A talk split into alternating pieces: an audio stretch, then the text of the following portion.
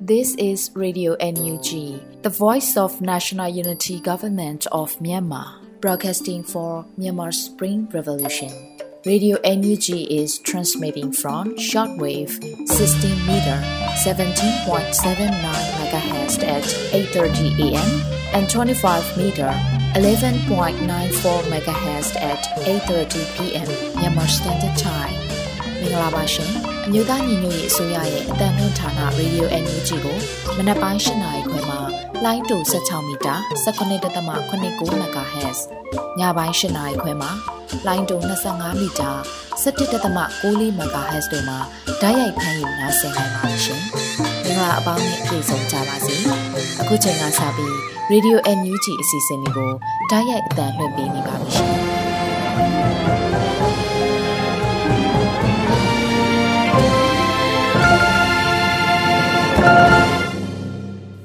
မင်္ဂလာနံနက်ခင်းပါသောတာရှင်တွေအားလုံးရှင်လန်းချမ်းမြေ့ကြပါစေခင်ဗျာ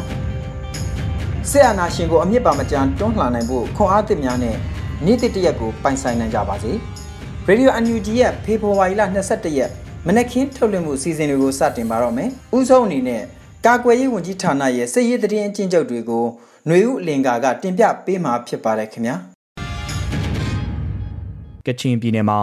ဖေဖော်ဝါရီလ20ရက်နေ့ညနေ9:00နာရီခန့်ကပူတာအိုမြို့နယ်စွန်ပီယန်ကျေးရွာနီးရှိရှိန်ကက်တောင်ရှိစစ်ကောင်စီတပ်စခန်းကိုပြည်သူ့ကာကွယ်တပ်ပေါင်းစုကတွားရောက်တိုက်ခိုက်ခဲ့ကြောင်းသိရှိရပါတယ်ခင်ဗျာ။စကိုင်းတိုင်းမှာဖေဖော်ဝါရီလ20ရက်နေ့ကရင်းမပင်မြို့နယ်ချင်းတွင်းမြစ်အနောက်ဘက်ကမ်းဖုံဝင်တောင်နီစစ်ကောင်စီစစ်ကားတန်းကိုမြောက်ရမအဖွဲ့ကမိုင်းရှစ်လုံးဆွဲတိုက်ခိုက်ခဲ့ရာကားနှစ်စီးပျက်စီးသွားခဲ့ကြောင်းသိရှိရပါတယ်ခင်ဗျာဖေဖော်ဝါရီလ20ရက်နေ့မနက်9:30မိနစ်ခန့်ကမြင်းမှုမြို့နယ် စန်တင်ကင်းကျွော်အနီးတရက်ချံမှာစခန်းချနေတဲ့ local PDF များကိုစစ်ကောင်စီတပ်သားများကဝင်ရောက်တိုက်ခိုက်ခဲ့ရာ local PDF မှ2ဦးသေဆုံးခဲ့ပြီးကြား3ဦးမောက်9ဦးဖမ်းဆီးခံခဲ့ရပါတယ်။လက်လုံတနက်ရှိ53လက်လက်လုံစိန်ပြောင်း9လက်လက်လုံတနက်တူ12လက်လက်လုံကြီးစံများလက်လုံမိုင်းများဆိုလာပြားများတန်ပိုက်လုံးများဆိုင်ကယ်များနဲ့မိုင်းပြုတ်လုပ်ရန်ဆက်ဆက်ပစ္စည်းများတင်ဆက်ခံခဲ့ရကြောင်းသိရှိရပါတယ်။ မကွေးတိုင်းမှာဖေဖော်ဝါရီလ18ရက်နေ့နဲ့19ရက်နေ့တွေမှာဇောမြို့နယ်လောင်းရှိဒေသဆွဲလဲချင်းကျွရအနောက်ဘက်ချင်းပြည်နယ်နေကြားတဝိုက်မှာစစ်ကောင်စီစစ်ကြောင်းကို LSR PDF တက်ခွဲသုံးမှခေါ်နူးမဟာမိတ်တပ်ဖွဲ့နဲ့ပူးပေါင်းပြီးတာဝေးပြည်လက်လုတ်လက်နက်ကြီးများနဲ့ပစ်ခတ်တိုက်ခိုက်ခဲ့ရာစစ်ကောင်စီဘက်မှလည်းလက်နက်ကြီးလက်နက်ငယ်များနဲ့ပြန်လည်ပစ်ခတ်ခဲ့ပါတယ်။တိုက်ပွဲအတွင်းစစ်ကောင်စီတပ်သား၄ဦးသေဆုံးခဲ့ပြီးထိခိုက်ဒဏ်ရာရရှိခဲ့ကြောင်းသိရှိရပါတယ်။ တည်ဆုံသွားတဲ့စစ်ကောင်စီအလောင်းများကိုပြည်သူ့ကာကွယ်တပ်သားများကအနီးနားရှိရာကင်းတဲပေါ်မှာတင်ပြီးမိရှို့တကြိုခဲ့ကြောင်းသိရှိရပါတယ်ခင်ဗျာရန်ကုန်တိုင်းမှာဖေဖော်ဝါရီလ20ရက်နေ့မနက်9:18မိနစ်ခန့်ကတောင်တကုံမြို့နယ်အမှတ်1လမ်းမကြီးပေါ်ရှိတောင်မြောက်လမ်းစုံရဲစခန်းကိုအာစာပလအဖွဲ့ ACPLF မှ M79 ဘုံပစ်လောင်ချာနဲ့တိုက်ခိုက်ခဲ့ပြီးရဲစခန်းအတွင်းမှာအော်ဟစ်တံများနဲ့ရုတ်ရုတ်တဲတဲအခြေအနေကိုကြားသိခဲ့ရကြောင်းသိရှိရပါတယ်ခင်ဗျာ ဖေဖော်ဝါရီလ19ရက်နေ့ည9:00နာရီခန့်ကမော်ဘီမြို့နယ်တက်ကြီးကုန်းပိုင်းဆပ်ပလိုင်းနီ GE တရင်အရာရှိရိတ်တာကိုအာဆာပလာ ACPLF မော်ဘီတော်လိုင်းအင်အားစုမော်ဘီ Revolutionary Force နဲ့ရန်ကုန် People Defense ဘုဗဟန်းတို့ပူးပေါင်းပြီးဘုံပစ်တိုက်ခိုက်ခဲ့ကြောင်းသိရှိရပါတယ်ခင်ဗျာ ဖေဖော်ဝါရီလ19ရက်နေ့ည9:20ခန်းကတင်ငန်းကျွန်းမြို့နယ်စံပြာစီအနီးလေးတောင်ကန်လမ်းနဲ့တန်တုမာလမ်းတောင်ရှိမြောက်ပရီဘန်ခွဲမှာတက်ဆွဲထားတဲ့စစ်ကောင်စီတပ်ကိုအာစာပလာဖွဲ့ ACPLF မော်ဘီတော်လိုင်းအင်အားစုမော်ဘီ Revolutionary Force နဲ့ရန်ကုန် People Defense ဘုဗဟန်းတို့ပူးပေါင်းပြီးပုံပစ်တိုက်ခိုက်ခဲ့ကြောင်းသိရှိရပါတယ်ခင်ဗျာဖေဖော်ဝါရီလ19ရက်နေ့ည9:00နာရီခန့်ကမြောက်တကုံမြို့နယ်တဝဲချောင်းရဲစခန်းကို Spring Brothers Force နဲ့ People Force တို့မှ 40မမနှလုံးနဲ့တက်ခိုက်ခဲ့တဲ့အပြင်စစ်ကူရောက်ရှိလာတဲ့စစ်ကားတန်းကို9:20မိနစ်အချိန်မှာ40မမတစ်လုံးအဝေးထိန်ဘုံလေးလုံးနဲ့ထပ်မံတိုက်ခိုက်ခဲ့ရာစစ်ကောင်စီကားတစ်စီးပျက်စီးခဲ့ပြီးစစ်ကောင်စီတပ်သား10ဦးခန့်တေဆုံးနိုင်ကြောင်းသိရှိရပါတယ်ခင်ဗျာဆက်လက်ပြီးစစ်ကောင်စီကကျူးလွန်တဲ့ရာဇမှုတွေကိုတင်ဆက်ပေးကြပါမယ်။ စကိုင်းတိုင်းမှာဖေဖော်ဝါရီလ19ရက်နေ့ည9:55မိနစ်ခန့်ကမုံရွာမြို့နယ်မုံရွာမြို့အောင်ချမ်းသာရက်ကွက်စားသုံးလုံးရုံးနီးမှာဆိုင်ကယ်စီးလာတဲ့ကိုကျော်စင်ဝင်းကိုစစ်ကောင်စီတပ်သားများကတနက်နဲ့ပစ်ခတ်ခဲ့ကြောင်းသိရှိရပါတယ်ခင်ဗျာ။ မကွေးတိုင်းမှာဖေဖော်ဝါရီလ19ရက်နေ့မနက်ပိုင်းကပခုတ်ကူမြို့နယ်ပခုတ်ကူမြို့မြိုင်ခုနှစ်လမ်းမှာစစ်ကောင်စီတပ်သားများကလူငယ်များအားကားနဲ့တိုက်ပြီးတပ်နက်များနဲ့ပစ်ခတ်ဖမ်းဆီးသွားခဲ့ရာမြိုင်လန်းပေါ်ရှိတော်တော်ဝင်းတတိဆိုင်ပျက်စီးမှုရှိခဲ့ကြောင်းသိရှိရပါတယ်ခင်ဗျာ။ ရန်ကုန်တိုင်းမှာဖေဖော်ဝါရီလ19ရက်နေ့မနက်09:30မိနစ်ခန့်ကရွှေပြည်သာမြို့နယ်အမှတ်10ရပ်ကွက်ပျော်ပွဲမှတ်တိုင်နီးရှိလက်ဖေးဆိုင်မှာလက်ဖေးတောက်နေတဲ့အသက်30နှစ်အရွယ်အမျိုးသား2ဦးကိုအရက်ဝေစကားစာတပ်ဖွဲ့ဝင်များမှရိုက်နှက်ခြင်းလေးပတ်ထောက်ခံခြင်းနဲ့ကန်ချောက်ခြင်းများပြုလုပ်ခဲ့ပြီးလက်ပြန်ကြိုးတုတ်ကဖမ်းဆီးသွားခဲ့ကြောင်းသိရှိရပါတယ်ခင်ဗျာ။ယခုတင်ဆက်သွားတဲ့သတင်းတွေကိုမြေပြင်သတင်းတာဝန်ခံများနဲ့သတင်းဌာနတွေမှာဖော်ပြလာတဲ့အချက်အလက်တွေပေါ်အခြေခံပြုစုထားခြင်းဖြစ်ပါတယ်။ ကျွန်တော်ကတော့ຫນွေဦးလင်ပါပါ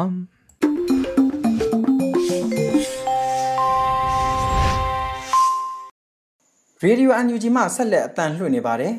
စစ်ရေးသတင်းတွေကိုနားဆင်လို့အပြီးမှာတော့ຫນွေဦးမိုးတင်ဆက်ထားတဲ့နောက်ဆုံးရသတင်းတွေကိုနားဆင်ရပါဦးမယ်ခင်ဗျာမင်္ဂလာပါခင်ဗျာရေဒီယိုအန်ယူဂျီမှမနက်ခင်းသတင်းများကို တင်ပြပေးပါတော့မယ်ခင်ဗျာဤသတင်းများကိုရေဒီယိုအန်ယူဂျီသတင်းတောင်ဝန်ခံတွေနဲ့ ခိုင်လုံသောမိဖက်သတင်းရင်းမြစ်များမှဖော်ပြလာသောချက်လက်များပေါ်အခြေခံပြုစုထားခြင်းဖြစ်ပါတယ်ခင်ဗျာ ICJ နဲ့ပတ်သက်တဲ့သတင်းစာရှင်းလင်းပွဲမှာအမျိုးသားညီညွတ်ရေးအစိုးရနိုင်ငံခြားရေးဝန်ကြီးဒေါ်စင်မအောင်တက်ရောက်စကားပြောမယ်လို့သိရပါတယ်ဖေဖော်ဝါရီလ22ရက်နေ့မှာအမှုပြန်လည်စစ်ဆေးမဲ့လူမျိုးတုံတပ်ဖြတ်မှုဆိုင်ရာမြန်မာနိုင်ငံအပေါ်ဆွဲချက်ကိုပြန်လည်ကြားနာမှာဖြစ်ပြီးအဆိုပါ ICJ ကြားနာပွဲမှာတော့ Netherlands မြန်မာ Solidarity Platform မှစီစဉ်သောသတင်းစာရှင်းလင်းပွဲတစ်ရက်ကိုကျင်းပဖို့ရှိနေပါတယ်။ထိုသတင်းစာရှင်းလင်းပွဲကိုအမျိုးသားညီညွတ်ရေးအစိုးရမှနိုင်ငံသားရေးဝန်ကြီးဒေါ်စင်မအောင်တက်ရောက်ပြောကြားမှာဖြစ်တယ်လို့ဝန်ကြီးကသူမရဲ့လူမှုကွန်ရက်စာမျက်နှာပေါ်မှာရေးသားဖော်ပြထားပါတယ်။ဝန်ကြီးဒေါ်စင်မအောင်နဲ့အတူတက်ရောက်ပြောကြားမဲ့သူတွေကတော့ဥရောပရှိရိုဟင်ဂျာကောင်စီဥက္ကဋ္ဌဒေါက်တာ အမ်ဘီယာဘာဗင်းမြမအရေးဦးဆောင်စာရေးဆရာမာတင်စမစ်နယ်သာလန်တာမတ်ဟောင်းနဲ့ရခိုင်ကော်မရှင်အဖွဲ့ဝင်လက်တီရှာဖန်ဒန်တို့လည်းပါဝင်တယ်လို့သိရပါတယ်ခင်ဗျာဆက်လက်ပြီး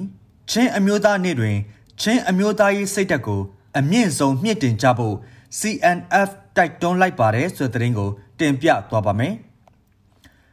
ဖေဖော်ဝါရီလ20ရက်နေ့တွင်ကြာရောက်သော 84နှစ်မြောက်ချင်းအမျိုးသားနေ့ကိုပြည်တွင်းတော်လှန်ရေးဒေသအချို့နဲ့ပြည်ပနိုင်ငံများတွင် ချင်းအမျိုးသားများစုဝေးကျင်းပခဲ့ကြပါတယ်။အကြမ်းဖက်အာဏာသိမ်းစစ်တပ်ကြောင့်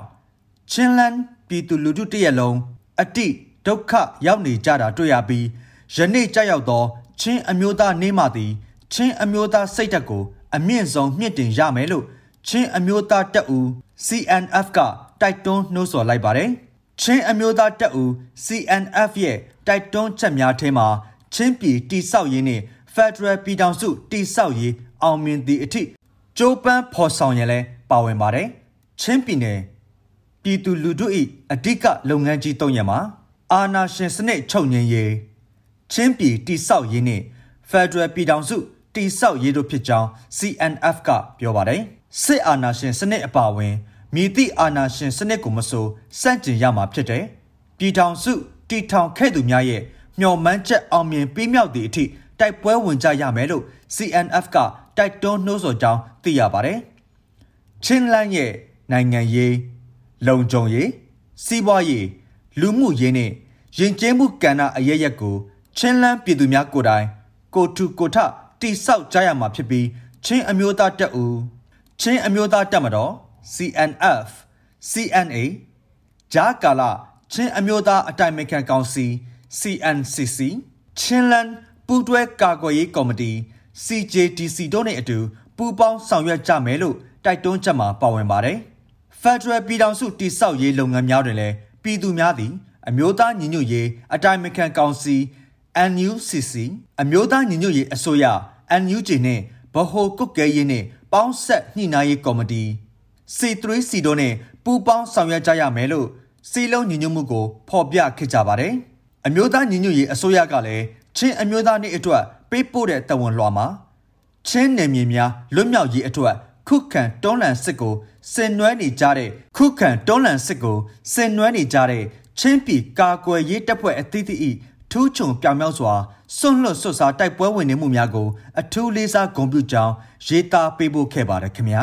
ဆက်လက်ပြီး အကြမ်းဖက်အာဏာသိမ်းမြန်မာစစ်တပ်ကိုငွေကျင်းနဲ့လက်နက်ပံ့ပိုးနေတဲ့အာဆီယံအစိုးရ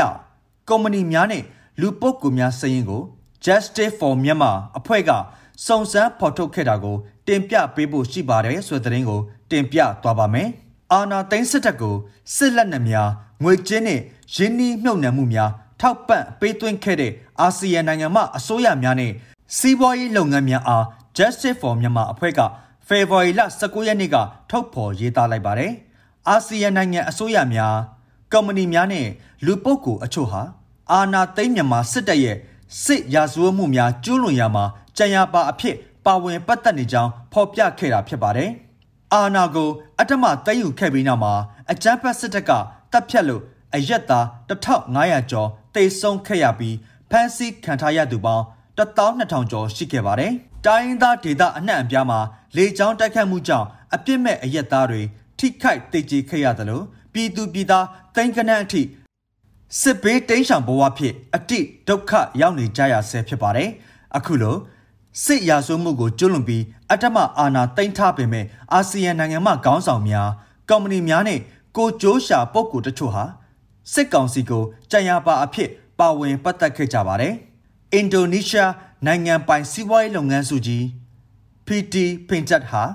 2020ခုနှစ်တွင်မြန်မာနိုင်ငံသို့ကြည်စံများတင်ပို့ခဲ့ပြီး Pintat လုပ်ငန်းစုနှင့်ပူးပေါင်းဆောင်ရွက်ဖို့အာနာသိန်းစစ်ကောင်စီရဲ့ဗန်နာရေးဝန်ကြီးဝင်းရှင်ဤတားဖြစ်သူထူးထူးရှင်ဦးပိုင်ဆိုင်တဲ့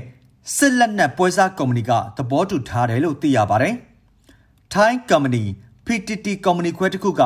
ဓာတ်ငွေရှာဖွေထုတ်ယူရေးစီမံကိန်းမှရရှိသည့်ဘန်နာငွေများဟာစစ်ကောင်စီထံစီးဆင်းနေဆဲဖြစ်ပြီးဗီယက်နမ်အမျိုးသားကာကွယ်ရေးဝန်ကြီးဌာနပိုင်စက်တော်ရေးကုမ္ပဏီ၏ Viactor Global သည်မိုက်တဲစက်တော်ရေးလုပ်ငန်းတွင်ပူးတွဲရင်းနှီးမြှုပ်နှံထားကြောင်း Justice for Myanmar ကဖော်ပြထားပါတယ်။မိုင်ထောင်ဆက်သွယ်ရေးလုပ်ငန်းမှာရရှိတဲ့ဝင်ငွေတွေဟာသွေးစွန်းငွေစစ်စစ်မှုအဖြစ်စစ်အုပ်စုထံအဓိကစီးစစ်နေဆဲဖြစ်ပါတယ်။ဖိလစ်ပိုင် စစ်လက်နက်ထုတ်လုပ်သည့်ကုမ္ပဏီ United Defense Manufacturing Corporation UTMC ဟာ2018ခုနှစ်အော်ဂုတ်လတွင်မြန်မာစစ်တပ်ကရိုဟင်ဂျာများအပေါ်လူမျိုးတုံးတပ်ဖြတ်မှုစစ်စင်ရေးစတင်ချိန်ကမြန်မာအတွက်450ကီလိုရှိလက်နက်များတင်ပို့ပေးခဲ့တာကိုလည်း JFM ကထောက်ပြပါတယ်။ဒါအပြင်တရုတ်နိုင်ငံမှဝရမ်းပြေးဖြစ်သူကမ်ဘောဒီးယားနိုင်ငံသားလက်မှတ်ကင်ဆောင်ထားတဲ့ ရှီဆိုင်ဂျန်ဟာကရင်ပြည်နယ်အတွင်းကရွှေကုတ်ကိုရှိရထိုက်မြို့တော်စီမံကိန်းကိုထိန်းချုပ်ထားသောအဓိကရင်းနှီးမြှုပ်နှံသူဖြစ်ပါတယ်။ရွှေကုတ်ကိုမြို့တော်စီမံကိန်းဟာမြန်မာနိုင်ငံတွင် ကြီးမားတဲ့အင်ချမ်မီလုပ်ငန်းကာစီနိုလုပ်ငန်းနဲ့ဖျော်ဖြေရေးလုပ်ငန်းများလုပ်ကိုင်ရန်ဖြစ်ပါတယ်။နေချားစောက်တက် BGF နဲ့အတူဖတ်ဆက်လုပ်နေတဲ့အဆိုပါလုပ်ငန်းများဟာအာနာသိန်းစစ်ကောင်စီလက်ထက်မှာဝင်ငွေများထောက်ပံ့ပေးနေတာလည်းဖြစ်ပါတယ်။ အာဆီယံအစိုးရတွေကုမ္ပဏီတွေဟာစစ်ကောင်စီနဲ့သူတို့မိဖက်တွေရဲ့စီးပွားရေးလုပ်ငန်းတွေကိုချက်ချင်းအဆုံးသတ်ရပါမယ်။အကြမ်းဖက်စစ်တပ်ကိုစစ်လက်နက်နဲ့စစ်ဖက်ပစ္စည်းထောက်ပံ့နေတာကိုချက်ချင်းရပ်တန့်ရပါမယ်။အာဆီယံရဲ့ဆွေးနွေးဖက်များဖြစ်ကြတဲ့ဩစတြေးလျဂျပန်တောင်ကိုရီးယား UK ကနေဒါဥရောပသမဂ္ဂနဲ့အခြားနိုင်ငံတွေဟာစစ်ကောင်စီနဲ့ သူတို့စီးပွားရေးလုပ်ငန်းတွေမိဖက်တွေအပေါ်ပြစ်မှတ်ထားဒဏ်ခတ်ပိတ်ဆို့မှုတွေမဖြစ်မနေချမှတ်ရမှာဖြစ်ပြီးစစ်တပ်ကိုငွေကြေးထောက်ပံ့ခြင်းမပြုဖို့အာဆီယံအစိုးရတွေကိုဖိအားပေးမှုတွေလည်းပြုလုပ်ရမှာဖြစ်ပါတယ်လို့ Justice for Myanmar အဖွဲ့ကိုဦးဆောင်သူတဦးဖြစ်တဲ့မရဏနာမောင်ကပြောပါတယ်။အာဆီယံဘုံသဘောတူညီချက်၅ချက်ကိုစစ်ကောင်စီဘက်ကလိုက်နာခြင်းမရှိတာကြောင့်ထိပ်သီးအစည်းအဝေးတွေမှာစစ်ကောင်စီကိုဖယ်ကျင်ထားနိုင်ခဲ့ပေမဲ့ အာဆီယံခေါင်းဆောင်များထံကအရေးပေါ်ဆောင်ရွက်ချက်တွေကိုလည်းလိုအပ်နေဆဲဖြစ်ပါတယ်။အတ္တမအာဏာသိမ်းပြီးနောက်ပိုင်းမြည်သည့်အာဆီယံနိုင်ငံကမှမြန်မာစစ်ကောင်စီနဲ့၎င်း၏စီးပွားရေးလုပ်ငန်းများအပေါ်ဒဏ်ခတ်ပိတ်ဆို့မှုများချမှတ်ခဲ့ခြင်းမရှိသေးပါဘူးခင်ဗျာ။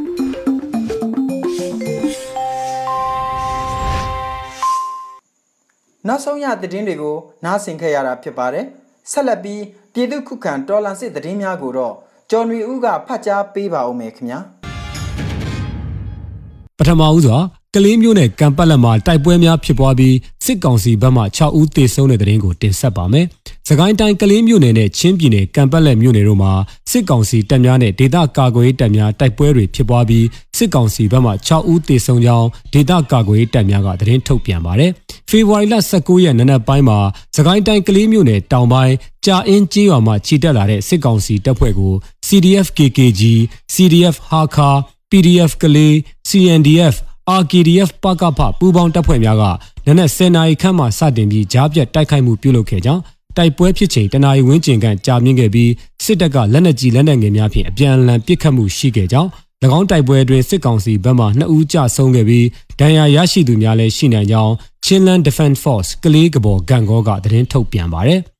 အလားတူဖေဖော်ဝါရီလ19ရက်နေ့နနက်9:30မိနစ်အချိန် CDF ကံပတ်လက်နဲ့စစ်ကောင်စီတို့နှစ်ကြိမ်တိတိနှစ်ဖက်ထိတွေ့မှုရှိခဲ့ပြီးတိုက်ပွဲပြင်းထန်ခဲ့ကြောင်းစစ်ကောင်စီဘက်မှ၄ဦးသေဆုံးပြီးဒဏ်ရာရရှိသူများပြားကြောင်းစစ်ကောင်စီတပ်ကယနေ့မှလည်းထိုးစစ်များဆင်နွှဲနေကြောင်းသိရှိရပါတယ်။ ယနေ့မှာကံပတ်လက်မြို့နယ်ရှိမစာတူရွာမှန်တောင်ရွာမောချောင်းရွာနဲ့လှိုင်တုတ်ရွာစုစုပေါင်းရွာ၄ရွာမှပြည်သူလူဦးရေစုစုပေါင်း950ခန့်နေရက်ဆွန့်ခွာပြီးစစ်ရှောင်နေကြရပါတယ်။ဆက်လက်ပြီးစစ်ကောင်စီတပ်ထောက်ပို့ရဟတ်ရင်မှချပေးတဲ့83မမဒုံးနဲ့ကြည်အချို့ PDF များရရှိတဲ့တဲ့ရင်ကိုတင်ဆက်မှာပါ။စစ်ကောင်စီတပ်မှရဟတ်ရင်ဖြင့်လာရောက်ချပေးတဲ့လက်နက်ပိုင်းဆိုင်ရာနဲ့ 83မမဒုံးကြီးခွင်းကြီးများအားဒေသခံကာကွယ်ရေးတပ်များတင်စီရရှိခဲ့ကြောင်းသိရပါတယ်။ယမနီမှာတိုက်ပွဲပြင်းထန်ရာရှမ်းကယားနယ်စပ်မိုးပြဲမြို့နယ်ဝီသဲခူးကျေးရွာအနီးရှိငားကန်များရှိရာကွင်းပြင်သို့စစ်ကောင်စီတပ်မှထိုပစ္စည်းများအားဒီကနေ့နနက်ပိုင်း6:30မိနစ်ခန့်မှာလာရောက်ချပေးခဲ့ရမှာဒေသခံတော်လှန်ရေးတပ်ဖွဲ့များကရရှိခဲ့ခြင်းပါ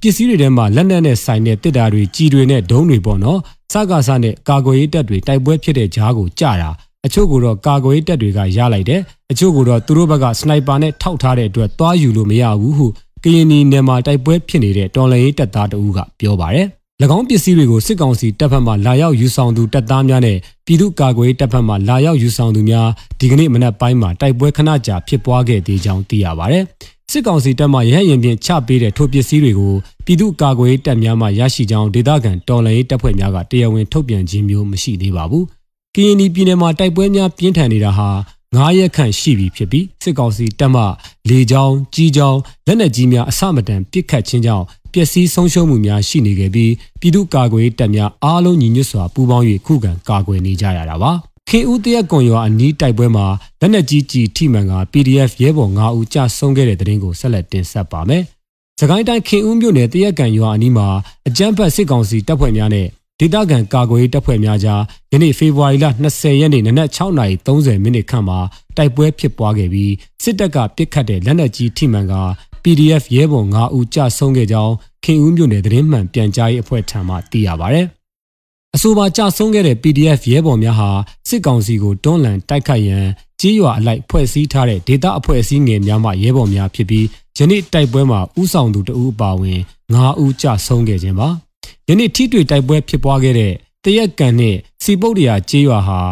ကမ်ဘလူနယ်အဆက်တွင်ရှိပြီးကမ်ဘလူဘက်မှပြူစောတိအဖွဲ့များနဲ့ခင်ဦးမြို့နယ်ရှိစစ်ကောင်စီတပ်များရဲ့ဝိုင်းဝန်းပိတ်ဆို့တိုက်ခိုက်ခြင်းခံခဲ့ရပြီး PDF ရဲဘော်9ဦးကြာဆုံးခဲ့ခြင်းဖြစ်ကြောင်းသိရပါဗျ။ဒါအပြင်ဖေဖော်ဝါရီလ18ရက်နေ့ကလည်းခင်ဦးမြို့နယ်ကံကြီးကုန်းနဲ့မြို့တစ်ရွာအနီးမှာစစ်ကောင်စီတပ်ဖွဲ့များနဲ့ဒေသခံပြည်သူ့ကာကွယ်ရေးတပ်ဖွဲ့များတိုက်ပွဲဖြစ်ပွားခဲ့ပြီးလက်နက်အင်အားမမျှခြင်းကြောင့် PDF ရဲဘော်14ဦးကြာဆုံးခဲ့ရတာပါ။နောက်ဆုံးအနေနဲ့အမျိုးသားညီညွတ်ရေးအစိုးရပြည်ထရေးနဲ့လူဝင်မှုကြီးကြပ်ရေးဝန်ကြီးဌာနက2022ခုနှစ်ဖေဖော်ဝါရီလ20ရက်ရက်စွဲနဲ့ထုတ်ပြန်ခဲ့တဲ့ပြည်သူ့ခုခံတော်လှန်စစ်တရင်အချက်လက်တွေကိုတင်ဆက်ပေးသွားမှာပါ။တရင်အချက်လက်များအရ19ရက်2လ2022ရက်နေ့မှာစစ်ကောင်စီတပ်ဖွဲ့ဝင်53ဦးသေဆုံးပြီးထိခိုက်ဒဏ်ရာရရှိသူ18ဦးအထိခုခံတိုက်ခိုက်နိုင်ခဲ့ပါတယ်။ မြေပြင်မှာတော့ယခုတွေ့ရတဲ့တရင်အချက်လက်များထက်ပို၍ဖြစ်ပွားနိုင်ပါတယ်ခင်ဗျာ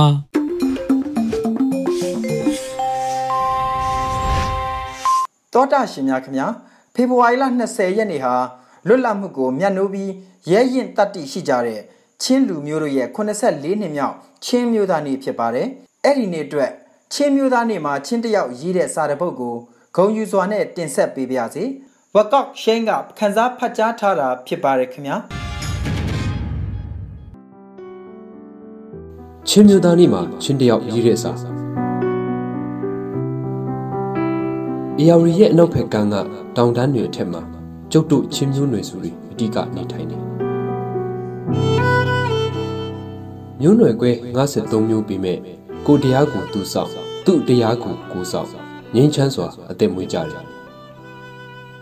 1929မှာမှချင်းတောင်တန်းကြီးတိုင်းတစ်ပါးကျွန်းဖြစ်ခဲ့ရတယ် မွေးရပါစီရေးပြူမှာနဲ့နေချက်ကိုကာကွယ်တွန်းလှန်ခဲ့ကြသူ့ကြောင့်ဘဝကယုံထွက်ခဲ့ရတာကျုပ်တို့လေးများတားလှန်တိုင်းမှာတမိုင်းလိုရှိတယ်ခေတ်ဆိုးမှာရန်ကုန်အစိုးရကိုကျုပ်တို့ကယ်ခဲ့တာလို့ဘယ်ချင်းကမှလက်ခမောင်းထမခတ်ဘူးပြည်ထောင်စုဆိုတာမိသားစုလိုပဲကျုပ်တို့ချင်းတွေရိုးရိုးမြည်ခဲ့ကြသူတို့နှစ်ချက်သုံးတယ်ငါးချက်သုံးတယ်ငါ့ကိုကောတစ်ချက်ပေးပါလို့ ဘယ်ချင်းတယောက်လက်ဖြတ်တောင်းဖူးပါတယ်လေအမေရောက်ခံဘဝမှာရိုးရိုးအားအားဖာတိဖာတာနေခဲ့ကြတယ်ဘသူ့ကိုမှကျုပ်တို့ချင်းတွေညှော်မကြည့်ဘူးဘသူ့ကိုမှရိုးမယ်ဖွဲ့အပြစ်မတင်ဘူးပါရာစီတမောပါမီတော်တော့မတော့ဘူးပဲတေဆုံးသွားကြတဲ့ဘိုးဘွားညီကိုမောင်နှမတွေမုံမလုံးလေးမလုံးကျောင်းအစုပ်လေးတွေမှာစာဖတ်စာအန်နေရတဲ့ကျုပ်တို့ကောင်းတွေအတွက်ကိုအမျိုးသားစာပြီးတော့ တင် जा ခွက်မရှိမှတော့တက္ကသိုလ်ကောလိပ်ဆိုတာမလိုအပ်တယ်မျိုးလားတက္ကသိုလ်ကောလိပ်ဆိုတာချင်းပြည်နယ်မှာမရှိဘူးလူတွေကခင်းနောက်ကြတယ်မို့လားမြေပေါ်မြေအောက်တယံဇာတာတွေထိုးမအပ်နိုင်ခဲ့လို့လားခင်မီဆေးရုံစီခန်းစီဝါတွေအိမ်မက်ခွင့်မရှိလေတိုက်တိုင်းအချိန်မတိုင်ခင်ကျွေလွတ်သွားတဲ့အသက်တွေကိုမျက်ရည်စို့အန်ဂျစ်ရဲ့တီဆိုနေကြည့်ခဲ့ကြရ လမ်းပန်းဆက်သွယ်ကောင်းမှုကြောင့်နေ့စဉ်သုံးစားတော့ကုန်တွေကစီးမြင့်မြင့်နဲ့ရောက်တယ်လီပေါ်ပြန်တဲ့အရင်တွေကတော့ကျုပ်တို့ချင်းတွေအတွက်မော့ကြည့်စရာတက်တက်အဲ့ဒီလိုနဲ့နောက်တစ်နှစ်မှမှဒီမဲ့အသက်တွေဒီနှစ်မှတည်တယ်ဒီနှစ်ကုန်မှမှဒီမဲ့အသက်တွေဒီမနေ့မှတည်တယ်အဲ့ဒီအဖြစ်ဆိုးတွေကတောင်တန်းပေါ်ကပြူရွယ်သူဖန်သမျှကိုလောကကြီးထဲအတင်းမောင်းထုတ်ပလိုက်တယ် လူရွယ်တို့ကောင်းငုတ်အန်ကြည့်ပြီးထွက်ခွာလာကြတယ်ကြံရစ်သူတွေကမျက်ရည်နဲ့ပုံမူစီးလုံးလာကြတယ်ဒါပေမဲ့ချင်းစုကလေးကတောင်တန်းနဲ့ဘယ်တော့မှကြာကြာခွဲလို့တော့မရဘူးထွက်သွားတဲ့သူတွေတနည်းကြရင်တောင်တန်းစီကိုလမ်းတွေထမ်းပြီးပြန်လာကြလိမ့်မယ်စေဝါနီးပညာတွေထမ်းပြီးပြန်လာကြလိမ့်မယ်ပညာမီးရှုမီးပန်းတွေနဲ့တောင်တန်းကိုအလှဆင်လာကြလိမ့်မယ်။ ချင်းမျိုးသားနေ့ကိုလည်းဘသူမျက်နှာမှချစ်စရာမလိုပဲစိတ်လွတ်ကိုလွတ်ဆင်နွှဲရတော့မယ်။ခုဆိုကြည့်လိုက်ကြစမ်းပါအဲ့ဒီမျောလင့်ချင်းပန်းချင်းလေးကိုမြင်မဲ့ကြယုံနဲ့ကြည်လင်ရှင်ပြနေတဲ့ကျုပ်တို့မျက်နှာတွေကိုပေါ့။စလိုင်းလေးမင်တန်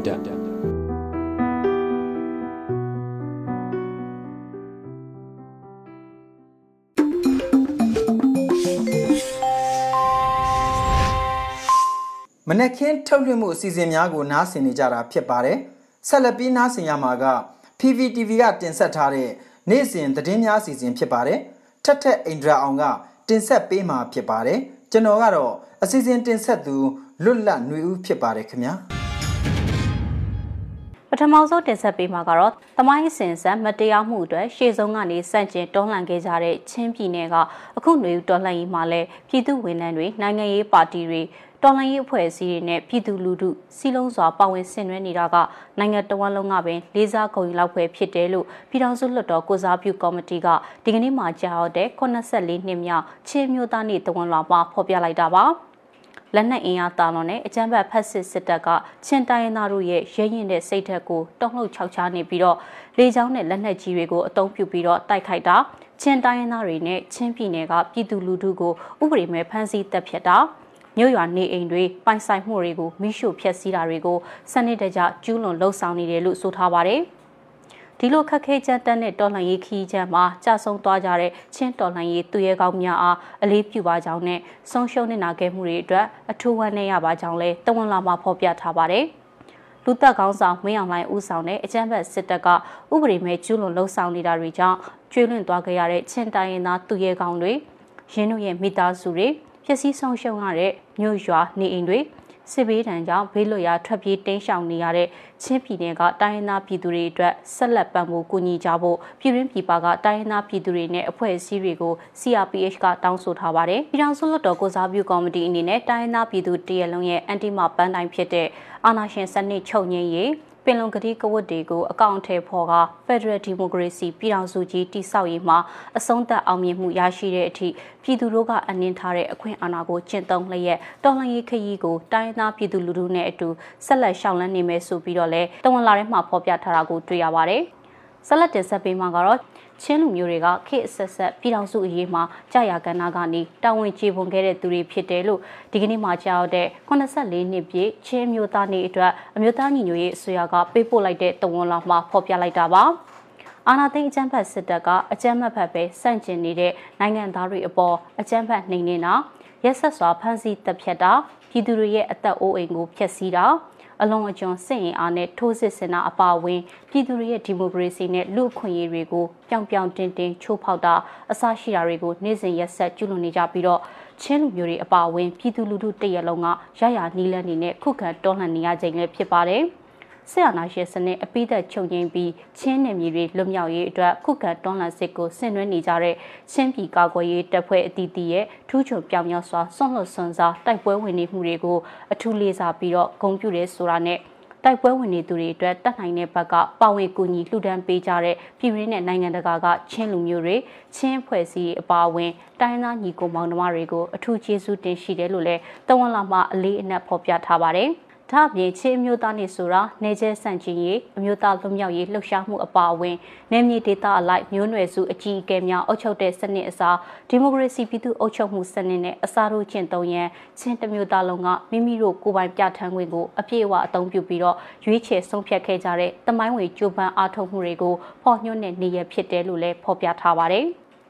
ဆက်လက်ပြီးဖေဖော်ဝါရီလ22ရက်နေ့မှာပြန်လည်စုယုံနှစ်ချောင်းလုံးကမ်ပိန်းပြုလုပ်ဖို့လူမှုကွန်ရက်တွေမှာလှုံ့ဆော်မှုတွေပြုလုပ်နေတာကိုတွေ့ရပါတယ်။ပြန်လည်စုယုံနှစ်ချောင်းလုံးအတွက်ဖေဖော်ဝါရီ22ရက်မှာလှုပ်ဆောင်အောင်မယ့်အချက်တွေကိုလည်းအထွေထွေတပိတ်ပေါင်းဆက်ညီနိုင်ရေးအင်အားစု GSCB ကထုတ်ပြန်ထားပါတယ်။2022ခုနှစ်ထဲမှာတော်လှန်ရေးကိုဗတ်ပေါင်းဆောင်ကအရှိန်မြင့်ကြဖို့လိုတာအလုံးအသိဖြစ်မှာပါ။ လက်နက်ကင်တော်လှန်ရေးသမားတွေကလွတ်မြောက်နေမြေတွေရအောင်ရွရွချွန်ချွန်တိုက်ပွဲဝင်နေကြသလိုလက်နက်မကင်ထားတဲ့ပြည်သူလူထုကြီးကလည်း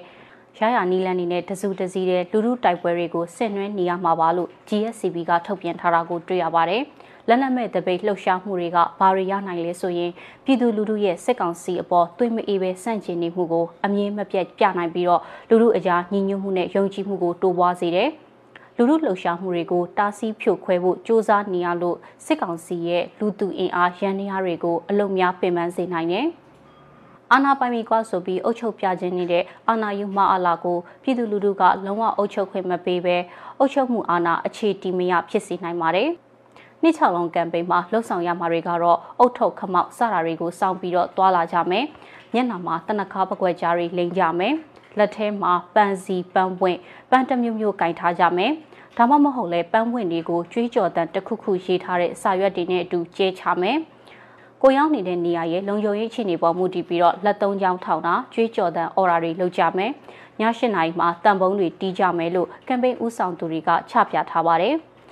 လောက်အသေးပွဲလှုပ်ရှားမှုလေးဖြစ်ပါစေလူလူတရလုံးတညီတညွတ်ထဲပါဝင်လှုပ်ရှားကြပြီးဆိုရင်အင်အားကြီးမားတဲ့အရှိန်အဟုန်ကိုရရှိစေပြီးတော့ထိရောက်အကျိုးရှိတဲ့ရလဒ်တွေကိုရနိုင်တယ်ဆိုတာပါပဲ။ ဒါလေးလလို့ထိရောက်ပါမလားလို့တွေးမိတဲ့အခါတိုင်းနှမ်းစီတွေကိုတတိယပါနှမ်းတစိနဲ့စီမဖြစ်ပေမဲ့နှမ်းစီတိမ့်တန်းချီတဲ့အခါမှာစီရီအများကြီးရနိုင်တာကိုနမူနာယူပါဒါကြောင့်မလို့လက်နက်မကင်တဲ့ပြည်လုံးကျွတ်လူထုတပိတ်လှုပ်ရှားမှုတွေကိုအခါအားလျော်တိုင်းဆက်လက်ဆင်နွှဲကြဖို့လိုတယ်လို့လည်း GSCB ရဲ့သတင်းထုတ်ပြန်ချက်မှာဖော်ပြထားတာကိုတွေ့ရပါတယ်ကျေးဇူးတင်ပါတယ်ရှင်